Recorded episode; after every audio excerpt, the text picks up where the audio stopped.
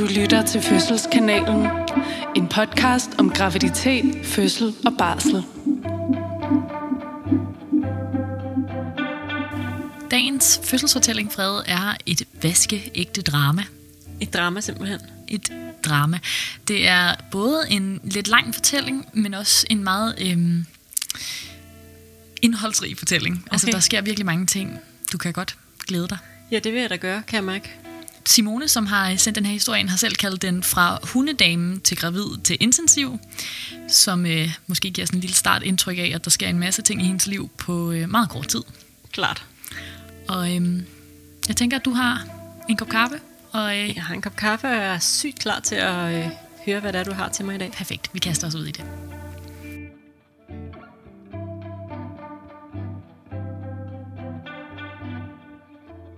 Hvor starter man egentlig sådan en historie? Det vigtigste for mig er, at det her ikke bliver en skrækhistorie. Men lige nu er jeg i tvivl om, hvordan jeg kan fortælle min historie, uden at det ender som en skrækhistorie. Indledningsvis har jeg derfor brug for at sige, at min søn og jeg er kommet ud på den anden side med hovedet højt og begge ben på jorden. Eller, min søn har ikke begge ben på jorden endnu, men det kommer nok snart. Derudover skal jeg pointere, at denne historie er fortalt udelukkende fra undertegnets opfattelse. En meget fin lille disclaimer, hun laver her. Ja, det synes jeg. Og det, det er de jo alle sammen, vores historier. Men det, det er fedt også, at man selv er bevidst om, at sådan, det her det er, øh, det er ens eget point of view. Så kunne der være nogle andre, der måske ville have set det fra en anden vinkel. Men, men det er jo også det, vi er ude efter. Vi er ude efter lige præcis den, der øh, var centrum for øh, det her point of view. Præcis, hvordan det har oplevet. Ja, og så præcis. kan det jo være, at vi kan byde ind, hvis der er noget, vi tænker, vi skal uddybe lidt. Men øhm, lad os se, hvordan Simone har oplevet det.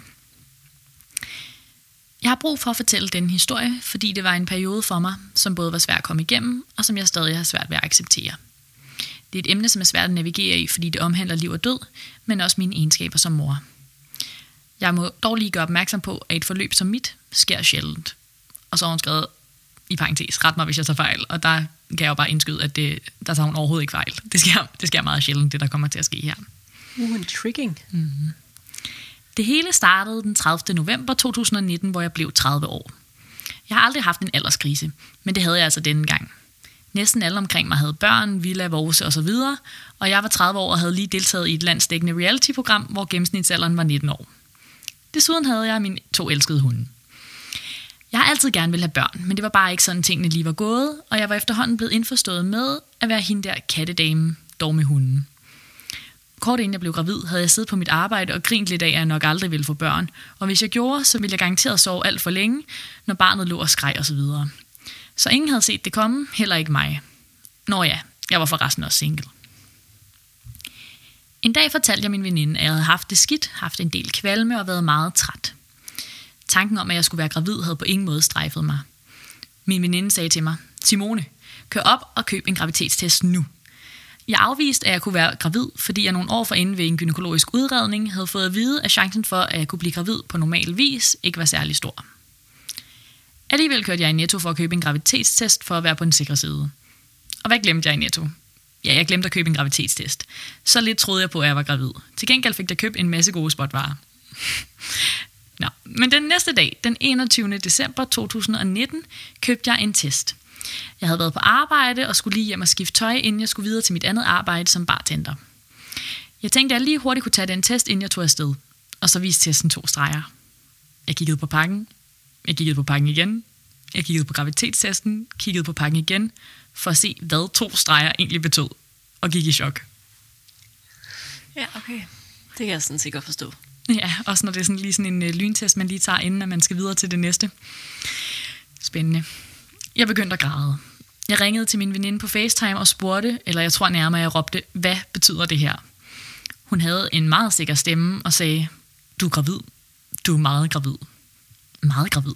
Altså, hvad betyder det? Hun fortalte, at de to streger var utrolig tydelige, og jeg nok skulle regne med, at jeg var ret langt henne. Det skal lige nævnes, at jeg har haft blødningsforstyrrelser i mange år, og tre måneder forinden var jeg startet op på minipiller, så min menstruation kunne godt udblive. Min veninde, som også hedder Simone, er selv mor og har født syv uger for tidligt. Hun har været igennem et virkelig hårdt forløb, og hun er en, som jeg aldrig nogensinde kan takke nok for at have været der for mig. Nå, men nu var jeg jo så gravid, og jeg var glad. Det var en vild følelse. Simone foreslog, at vi kunne tage ind og få en scanning for at se, hvor langt jeg var henne. Men jeg var så overvældet, at jeg først sagde nej. Det ændrede sig dog hurtigt, og to dage efter lå jeg og skulle scannes. Jeg var enormt bange, selvom jeg normalt er typen, der tager alting i stiv arm. Simone begyndte at græde, da man kunne se fosteret på scanning, men jeg lå bare selv og var helt stiv og sagde ikke noget. Den søde sonograf spurgte, om jeg ville høre hjerteslaget. Nej, tænkte jeg, det kan jeg simpelthen ikke rumme lige nu. Hun sagde, at det var helt i orden og forståeligt. Du er 7 plus 4 henne. 7 plus 4? Hvad fanden betyder det? Hvordan skal jeg nogensinde kunne komme igennem det her, når jeg ikke engang kan forstå, hvad sonografen siger til mig, tænkte jeg. Jeg var egentlig aldrig et sekund i tvivl om, at jeg ville have barnet. Og selvom jeg vidste, at jeg ville blive alenemor, da faren og jeg ikke var i et forhold. Dagen efter var jo så juleaften, og der sidder jeg med en klump i maven, fordi jeg skal fortælle mine forældre det. Jeg er deres eneste barn, og mine forældre er ret gammeldags i deres tanker om familiestiftelse. De typerne, der ikke ser positivt på, at man får et barn med en, som man ikke er sammen med. Jeg får ikke fortalt det til dem om aftenen, men sover hos dem, og dagen efter juleaften kommer min mor ind til mig om morgenen. De vil gerne snakke med mig. Din far og jeg skal skilles. Jeg har fundet noget andet at bo i, og flytter om to måneder. Alle mine hormoner flyver rundt, og jeg er fuldstændig målløs. Min far græder, og jeg er også tæt på. Men jeg kan slet ikke være i det, så jeg tager mine ting og går uden at sige et ord. Jeg var drøn ked af det, og allerede bange for, at barnet kunne tage skade af, at jeg græd så meget. Dagen efter snakker jeg med mine forældre igen, og får så fortalt dem, at jeg er gravid. Og de tager det faktisk rigtig pænt. Jeg begynder samtidig at acceptere, at mine forældre skal skilles. Selvom det var virkelig hårdt, så prøvede jeg at holde fokus på mig og min baby i maven. Jeg tror på det tidspunkt, jeg er kommet igennem det værste, men nej. Okay, for jeg skulle til at sige, altså allerede nu, vi er ikke så langt ind i den her graviditet, og det er da, det er da nogle ting, hun øh, tager imod. Altså det er lige til en film, tænker man. Ja. Det må også være overvældende, tænker jeg, når man ved, man skal være alene forældre, at der også sker sådan et kæmpe ryg i ens sådan base, altså de mennesker, som man ligesom regner med skal støtte en, ikke? så har man ligesom bare brug for, at der er totalt ro på øh, netværket, så øh, det, virker, det virker vildt.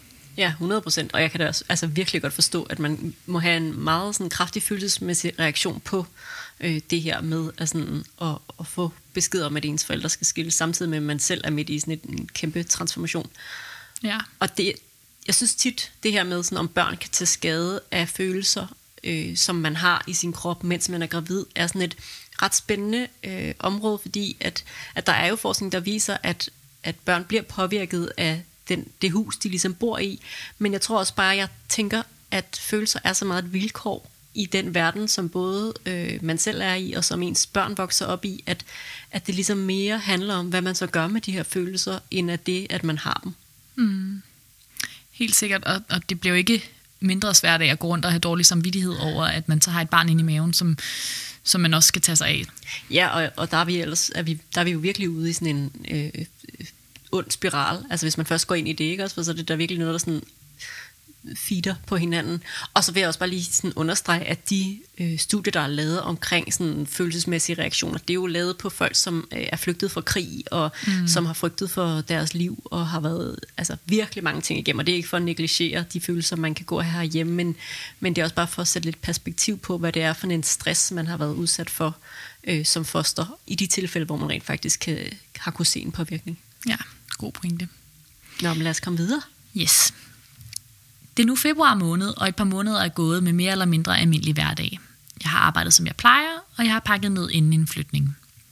Roen forsvinder dog på et splitsekund. Min mor skriver til mig, at hun har brug for at snakke med mig, som i lige nu. Hun kommer hjem til mig, og der går kun et minut fra hun træder ind ad døren, til min verden falder sammen. Alt går i tusind stykker. Simone, siger hun med tårer i øjnene. Jeg er nødt til at fortælle dig, at jeg kommer lige fra Ringsted sygehus, og jeg har fået konstateret brystkræft. Alt går i stå. Jeg føler en smerte i mit hjerte, som er helt umulig at beskrive. Jeg råber, nej, nu må det simpelthen stoppe. Jeg kan ikke mere. Stop. Hun bryder stille ind med et grædende, jamen Simone, jeg kan jo ikke gøre for det, og bryder herefter fuldstændig sammen af gråd. Hun skal opereres allerede efter 10 dage, og jeg tager selvfølgelig med. Og efter operationen taler jeg med min jordmor om at forsøge at sætte et punktum. Ikke sagt som, at jeg bare skal komme videre, men jeg har simpelthen gang i så mange ting. Arbejde, graviditet, flytning, og jeg har brug for at lægge den her bekymring lidt i dvale. Men 14 dage senere kommer min mor hjem til mig igen. Dengang ringer hun ikke først. Hun har lige fået beskeden om, at lymfen, der blev fjernet under operationen, havde kraft i sig. Hendes kraft har altså allerede nået at sprede sig, og hun skal opereres igen om syv dage. Denne gang må jeg kun sætte hende af foran sygehuset, for nu er verden blevet ramt af corona. Tiden går, men den lærer åbenbart ikke nogen af mine sår. Der opstår flere og flere udfordringer. Jeg er ødelagt, helt knust. Men jeg kan ikke give op, for jeg har en lille fyr inde i min mave, som jeg skylder at kæmpe videre. Og igen har man jo lyst til at stoppe og sige sådan, hold da op, mand. Altså, Det er da så heartbreaking. Ja, det er ret vildt, og det er lidt spændende, det her, hun siger, men jeg kan ikke give op, for jeg har en lille, øh, lille fyr i maven, som jeg skylder at kæmpe videre. På en eller anden måde, så kan det jo godt også være en hjælp, selvom at man jo tænker, at det er endnu en kæmpe livsforandring, man skal, skal overkomme, så er der jo også et eller andet i at være sådan, okay, det her er noget, jeg er nødt til sådan, ja, at parkere, og så fokusere på det her, altså sådan at, at tage det lidt sådan i stiv arm, fordi man ligesom allerede lidt tager forældrerollen på sig faktisk Ja. det er meget sådan smukt, hvis hun har kunne, kunne bruge det som en form for støtte, faktisk. Jeg har termin i august, og indtil juni måned har jeg ikke de store graviditetsgener. Men lige pludselig begynder jeg at tage enormt meget på i væske, og mine ben og fødder bliver på størrelse med en elefant. Og her har jeg også lige lyst til at indskyde, at øh, Simone har sendt os billeder, og hun har ret. Det er simpelthen øh, fødder på størrelse med en elefant. Ja, det er der, hvor at, at tit og ofte, så synes jeg, vi har sådan nogle, øh, eller jeg har møder nogle gange nogen i kunsten, som siger sådan, åh, jeg har virkelig taget meget væske på, og så kigger jeg, og så tænker jeg sådan, ah, det er ikke så galt. Men Simone, hun er faktisk en af dem der, hvor, at når vi, øh, som vi refererer til, når vi snakker med dem, der ikke har så meget væske i benene, hvor man siger sådan, jeg har set værre. Det, Simone er det værre. Præcis. Og øhm, jeg vil sige, sådan, hvis man kan have sin egen sko på, for eksempel, så tænker jeg, det kan godt være, at du får mærker efter strømperne og sådan nogle ting, ikke? Men, øh, men altså, jeg tror ikke, Simones fødder rigtig kunne passe ned i nogen sko, når man kigger på billederne. Nej, nej, jeg vil også sige, de billeder, du har vist mig, der, øh, der vil jeg erklære mig enig. Ja. Nu tager det fart med gener og komplikationer. Mit blodtryk begynder at stige voldsomt, så voldsomt, at jeg i nogle dage bliver indlagt til observation. Selvom jeg kommer hjem igen, bliver væsken værre og værre, og jeg skal løbende til kontroller. Jeg får taget blodprøver, og der går ikke andet end et par uger fra min indlæggelse med forhøjet blodtryk, før jeg får konstateret leverbetinget graviditetskløe. Kløen er i en sådan grad, at det kræver medicinsk behandling. Min søde jordmor beder mig om at skrue ned for mit aktivitetsniveau, fordi mit blodtryk fortsat stiger. Det ligger på 160 over 91, og jeg skal nu måle det derhjemme, taste ind i et skema to gange om dagen, så personalet på fødegangen hele tiden kan følge med. Hun er da virkelig hårdt ramt, må man sige. Altså, fordi man kan sige, en ting er, at det i hvert fald i mine jordmorører lyder meget som om, hun har øh, svangerskabsforgiftning eller præklamsi her. Så får hun så også leverbetinget graviditetsklø, øh, som jo er en af de andre ting, man ligesom kan have af sygdomme, når man er gravid, og noget vi ikke har snakket om endnu, men som vi måske en dag kunne finde på at lave en episode om. Men kort fortalt så er det, når leveren bliver påvirket i en sådan grad, at man både kan opleve symptomer, hvor det klør helt vildt meget på ens krop, øh, men også kan se det i blodprøverne. Mm. Og så, øh, så kan man give noget medicin for det. Ja, så hendes krop bliver virkelig ramt på flere parametre af, af den her graviditet nu. Ja, det, det skal jeg lige komme i tanke om. Ja. På 22 dage tager jeg 10 kilo på i væske. Det er også bare den sætning i sig Much, selv. altså, ja, ja. det er ret vildt. Jeg har en tid hos min jordmor, og jeg er dårligt kommet ind ad døren, før hun siger, at det der, det er altså ikke normalt. Jeg kommer til flere kontroller, og det bliver aftalt, at jeg skal sættes i gang den 19. juli 2020, to uger før min terminsdag. Vesten gør i midlertid mine fødder helt blå, og jeg bliver akut indlagt den 16. juli 2020. Jeg tror bare lige, at jeg skal have målt lidt værdier sådan, så jeg pakker ikke noget, og jeg må have set lidt målløs ud i hovedet, da jeg får besked på, at jeg skal forblive indlagt indtil min igangsættelse tre dage senere. Den 19. juli 2020 bliver jeg sat i gang med angustapiller. Jeg ligger på stuen, og jeg ved ikke rigtig, hvad jeg skal tænke. Det vil jeg gå op for mig, at det vil være tid. Heldigvis er der de bedste og så professionelle jordmødre, sygeplejersker og læger på hospitalet. Jeg bliver sat godt ind i tingene, og de tager sig god tid til mig. Det er søndag aften, og jeg ligger og venter på, at der skal ske noget med de piller. Som så mange gange før kommer der en jordmor ind og sætter en CTG på min mave. Og hun siger, at hun kommer igen om en halv times tid. Jeg kender rutinen, og jeg lægger mig til at se noget tv. Døren åbner dog allerede efter 5 minutter. Jordmoren kommer ind og kigger på skærmen, tjekker, at bæltet på min mave sidder, som det skal. Og hun spørger mig, hvordan jeg har det. Jeg svarer, at jeg har det ganske udmærket. Jeg kan godt se, at der er noget, der ikke er helt, som det skal være. Hun forklarer, at min søns hjerterytme er faldet enormt meget. Hun fortæller, at hun bliver nødt til at konferere med bagvagten, og hun kommer tilbage. Meget kort tid efter kommer der nu to jordmødre ind. Den anden jordmor, der kommer ind, er Silvia, som jeg har mødt før. Og Silvia ender med at spille en kæmpe rolle for resten af mit forløb. Simone, vi bliver nødt til at lave et akut kejsersnit, og det kommer til at foregå om 45 minutter. Du skal ringe til din mor, og hun skal komme nu. Det er min mor, som skal med til min fødsel, og hun er heldigvis lige nået at blive færdig med hendes første omgang stråler og er klar til fødslen. Jeg har to timer forinden skrevet til hende, at der er ingen tegn til vejr, og hun bare kan komme ind dagen efter. Så nu ringer jeg så til hende og fortæller hende, at hun skal køre nu. Hun bor i Næstved og skal køre til Slagelse, så det er lige på et hængende hår. Fordi jeg ikke har fastet, skal jeg drikke noget syreneutraliserende. Mens den anden jordmor giver mig OP-tøj på, ligger Silvia et kateter på mig. Jeg føler mig i forvejen så ulækker.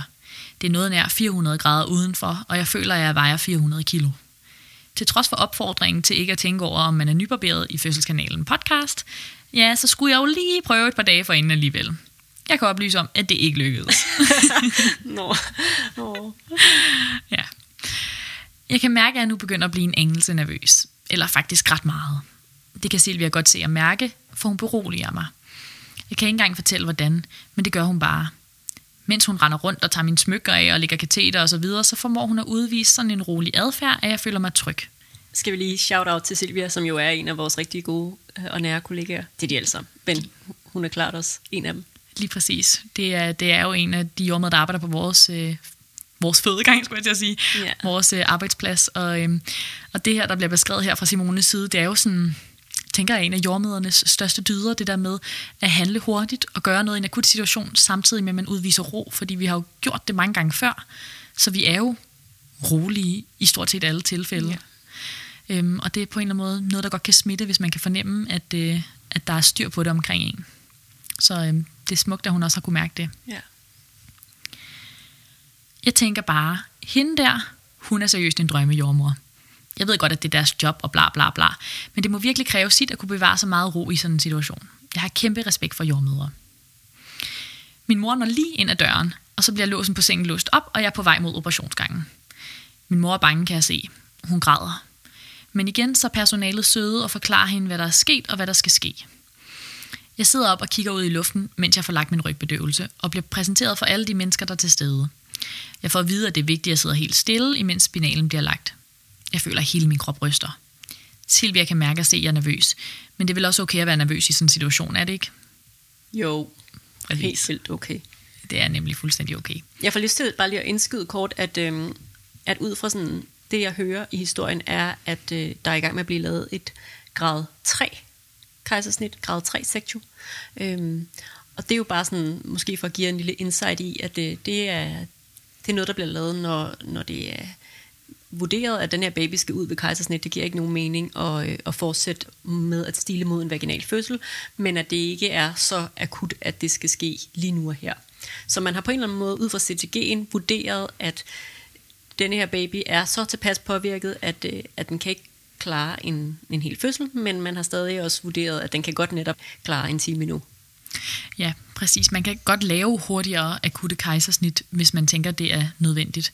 Så øhm, på den måde, så er det sådan et stille og roligt akut kejsersnit, hvis man kan sige det på den måde. Ikke? Ja. Og det bliver selvfølgelig en lidt mere akut oplevelse, fordi at Simones mor ikke er der, og hun skal nå ind. Øhm, Ja, lige meget hvad, så er det da også en, en, øh, en voldsom besked at få det her med, at hun ligger og er i gang med at blive sat i gang, og hun har prøvet det her mange gange før, får kørt den her kurve, hun kender rutinen, siger hun, og så lige pludselig så sker der noget, der er så, så sådan forandrende for situationen, som jo lige pludselig kommer til at øh, afgøre, at, at hun ikke kan føde vaginalt, men at hun bliver nødt til at gå til et kejsersnit, hvor at oftest, når vi laver akutte kejsersnit, så gør vi det jo i løbet af fødslen, og så har vi måske undervejs talt om muligheden for kejsersnit. Det kan være, hvis så har der måske været nogle tegn i løbet af fødslen på, at tingene begynder at blive en lille smule mere kompliceret, en lille smule mere kompliceret, og, og så kan man måske som, som jordmor og som øh, dem, der er indlagt til fødsel, godt sådan se, hvor det peger hen af, hvor det her, det er jo, fordi det går fra øh, ingen vejer, ingen mm. fødsel, ingenting,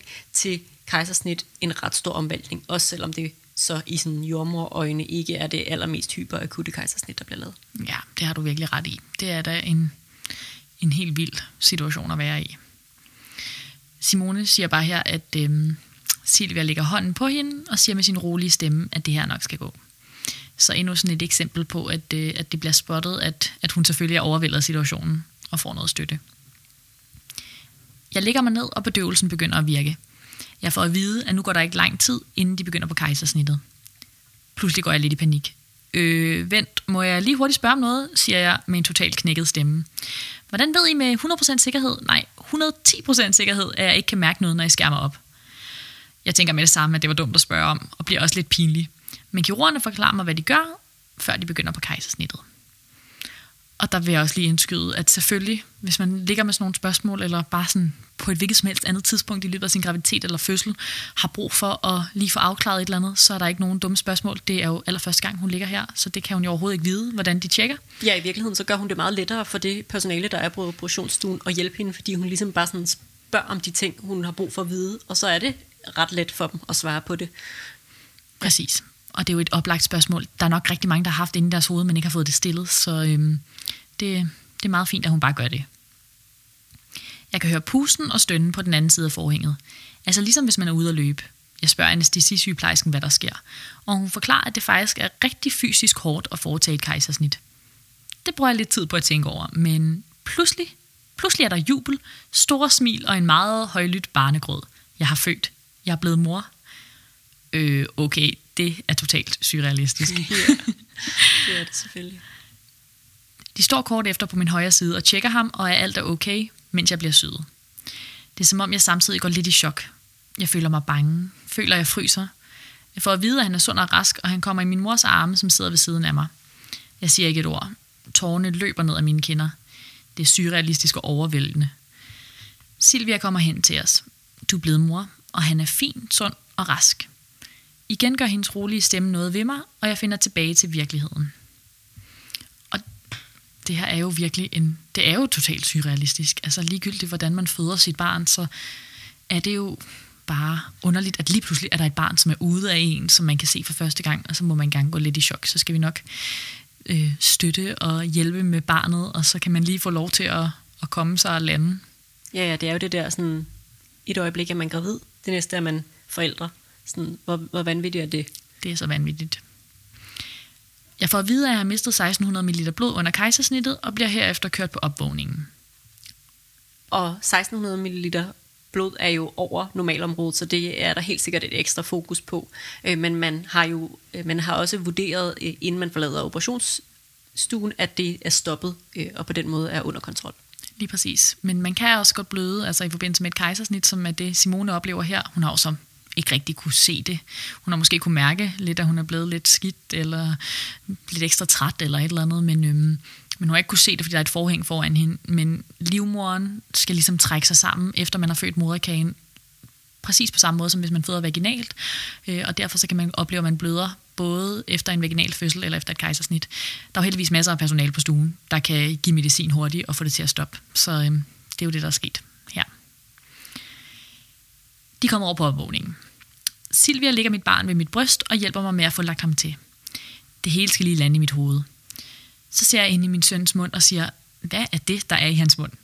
Tænder. Min søn er simpelthen født med to tænder. Ej, wow. Ja, meget imponerende.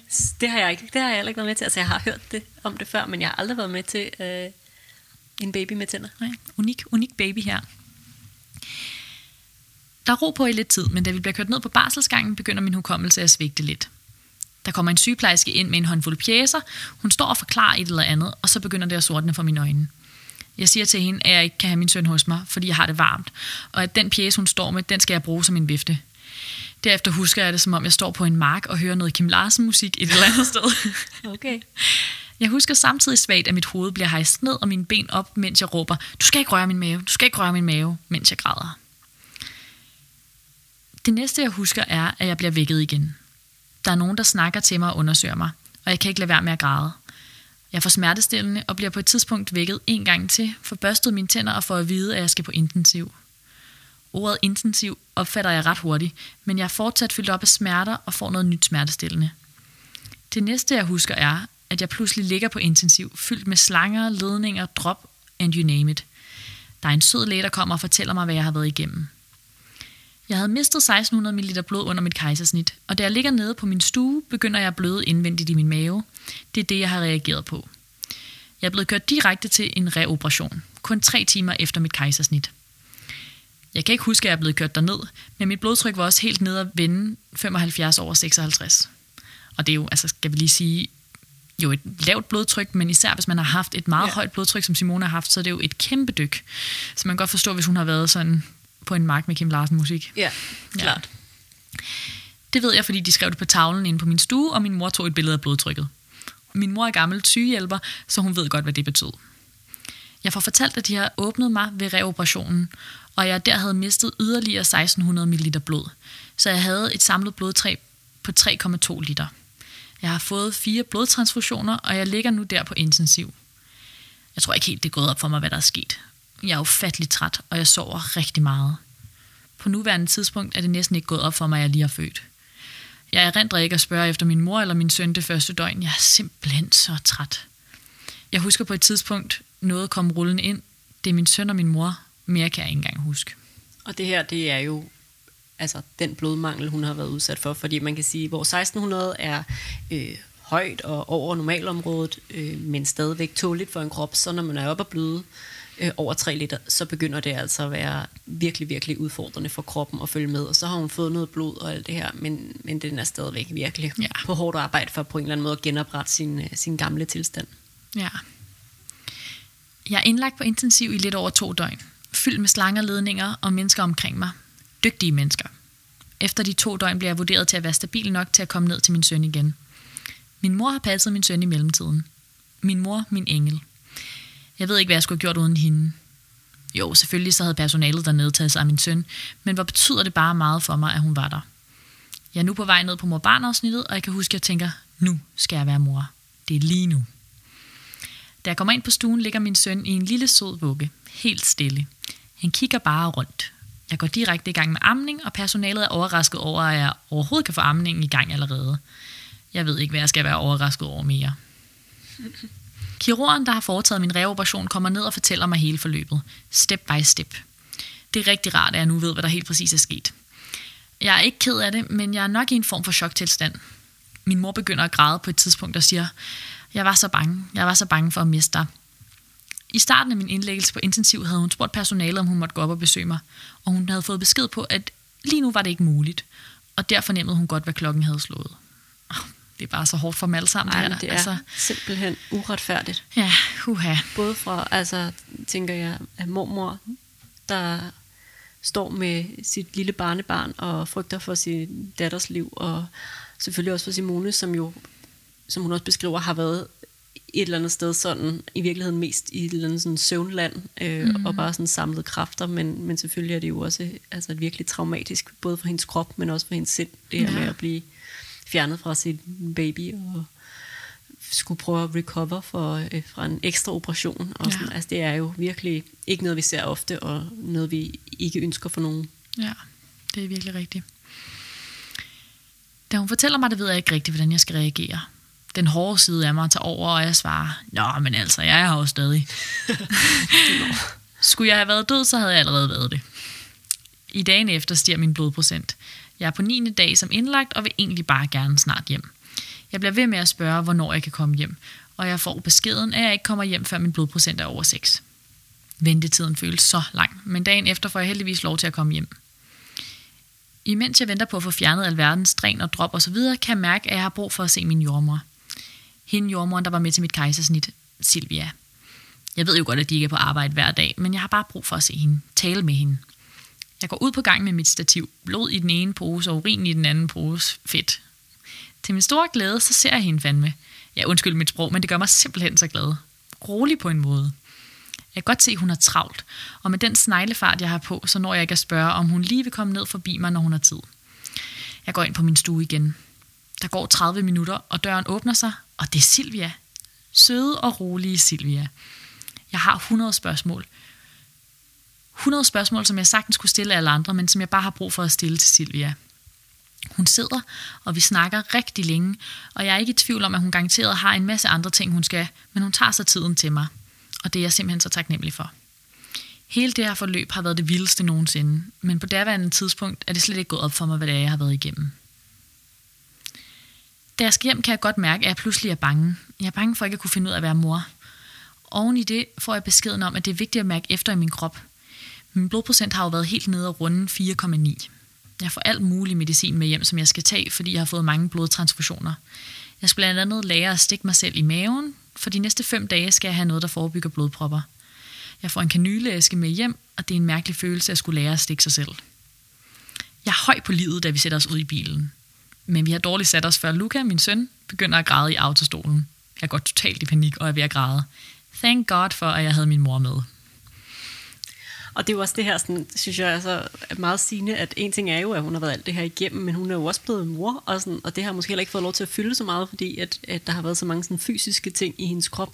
Så sådan, det her med også at skulle sådan, lande i moderskabet og finde ud af, sådan, hvordan fanden gør jeg det? Og, og når man så også er alene om det, så tror jeg også, man kan have en tendens til at føle sådan et, et yderligere pres, for man har ligesom ikke nogen, hvor man kan sådan, kigge på sin partner og sige, sådan, er du også lidt nervøs, det er også. Mm.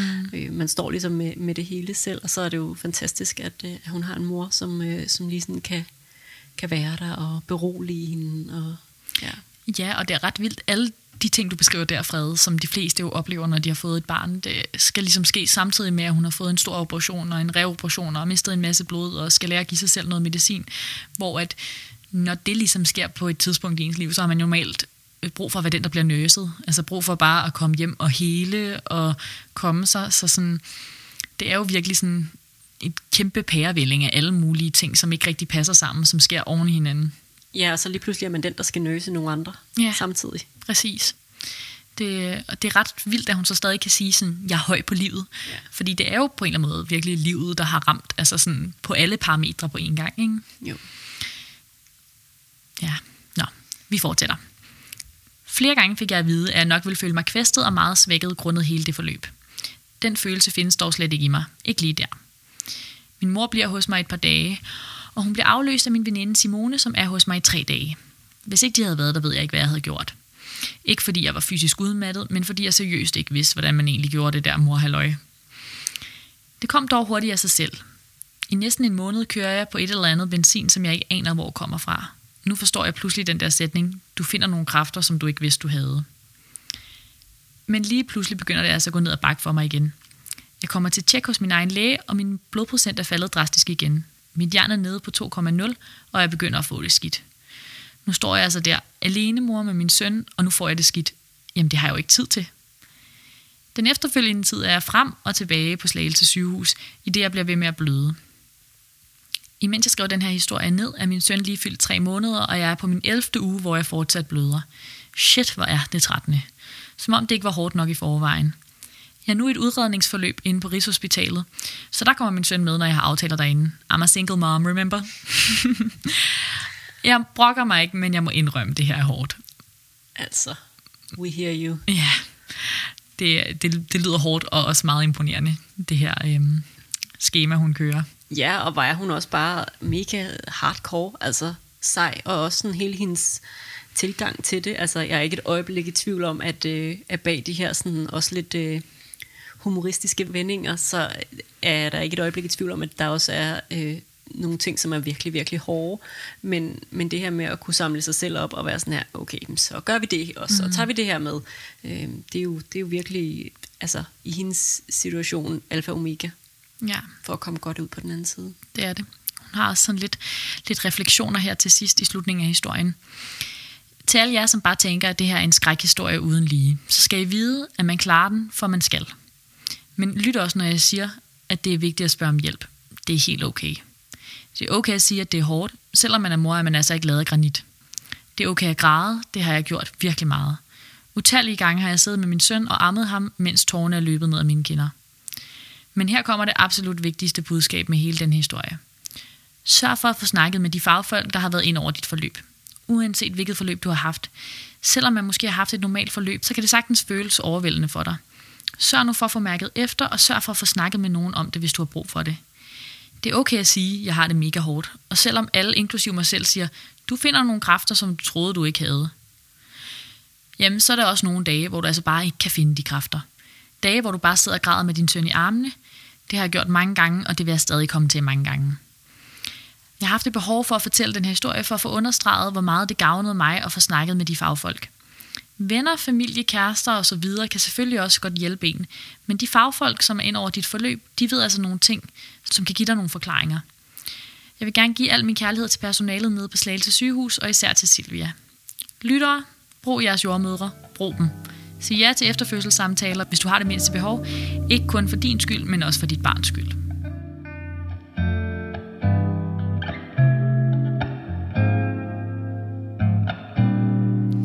Altså, og til det vil vi da bare sige amen.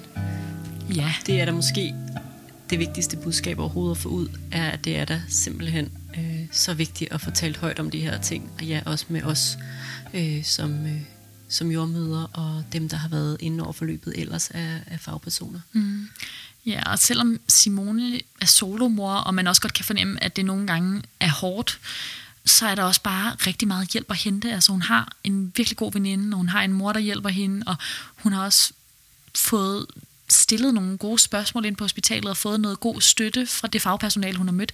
Så, så det er jo ikke fordi, at der ikke er noget støtte. Der er alt muligt støtte at få, bare fra nogle andre kanaler. Øhm, I virkeligheden synes jeg, det er en meget sådan, smuk pointe. at Det er så rørende, og jeg synes virkelig, at det skinner igennem, hvor god Simone er hele vejen igennem til netop at få, få hjælp og bede om hjælp. Øh, og at hun gør det sådan fuldstændig med oprejst pande, og det gør det helt sikkert også meget, meget lettere for de mennesker, der er omkring hende, både hendes venner og familie øh, og nære personer og mm. øh, fagpersonalet, at give den hjælp, hun har brug for, fordi hun er så god til at få i tale sat, hvad det er, hun har behov for. Lige præcis, og så er det jo også en lidt en blanding af det, altså at hun gør det, og hun joker og er meget sådan lige til, samtidig med at hun jo også godt kan sidde og ryste på en operationsstue, eller lige pludselig blive mega nervøs over et eller andet, fordi man er jo bare et menneske, så sådan, jeg synes virkelig, det er sådan en meget god blanding af det hele, hun beskriver. Og så tror jeg da også, der har været nogle, nogle fagpersoner, det lyder det i hvert fald som, som om, som har været virkelig gode til at gribe hende, Ja. og det, øh, det priser jeg mig da lykkelig for, at, øh, at det er vores afdeling, der ligesom har stået model til det, fordi det, det er da bare dejligt at høre, især i øh, lyset af alle de andre traumatiske historier, som også florerer ude omkring, øh, hvor at man måske ikke helt føler sig grebet af fagpersonalet. Mm. Så synes jeg, at det er virkelig dejligt, at der også er nogen, der gør det, mm. øh, og det, øh, det er bare rart at, rart at høre. Ja, det er et godt eksempel på, at man kan have et jo altså faktisk fuldstændig vanvittigt forløb, og så stadig ikke, jeg vil ikke sige få en god oplevelse, men sådan få den hjælp, man nu har brug for i det forløb. Ikke? Men øhm, det er nok meget godt at slutte med at sige, at det her er meget, meget sjældent. Det er som om, at Simone på en eller anden måde har formået at opsamle alle de ting, vi kan finde på af, af meget sådan ubehagelige ting undervejs i en graviditet og en fødsel. Så der er nok ikke så mange derude, der vil få et forløb, der minder om det her. Øhm, og det er jo ikke en trøst for Simone, men, øhm, men det kan være rart at vide, at sådan, selvfølgelig så kan man have elementer. Altså, der er jo en del, der får akut kejsersnit, og der er også en del, der bløder efter en fødsel, og sådan, men det er godt nok de færreste, der får det hele, og i, i den her grad også, Ja. som Simone har oplevet det. Og det der med at ligge på intensiv i flere dage, og sådan, det er jo altså virkelig, virkelig, virkelig sjældent, at der er nogen af dem, der har født, der skal det. Så øhm, det er bare imponerende, at hun kan sidde tre måneder efter at skrive den her historie på den her måde. Det er meget, meget stærkt. Ja. Og Simone var jo faktisk en lille sidenote øh, og sjov detalje, den første, der sendte sin fødselshistorie til os. Og øh, det føles godt endelig at, øh, at kunne dele den. Vi havde behov for, at der lige kom lidt andre øh, historier, inden at vi øh, kastede Simones historie ud i æderen. Øh, men den fortjener i den grad at, øh, at få noget plads, og øh, hendes historie fortjener at blive fortalt, fordi den også, selvom den er meget unik, så, øh, så er den jo også vigtig. Mm. Vi vil gerne sige tak til Simone. Mange tak, Simone. Og, øh, og good job, Silvia. Og, øh, og så vil vi sige øh, tak, fordi I lyttede med.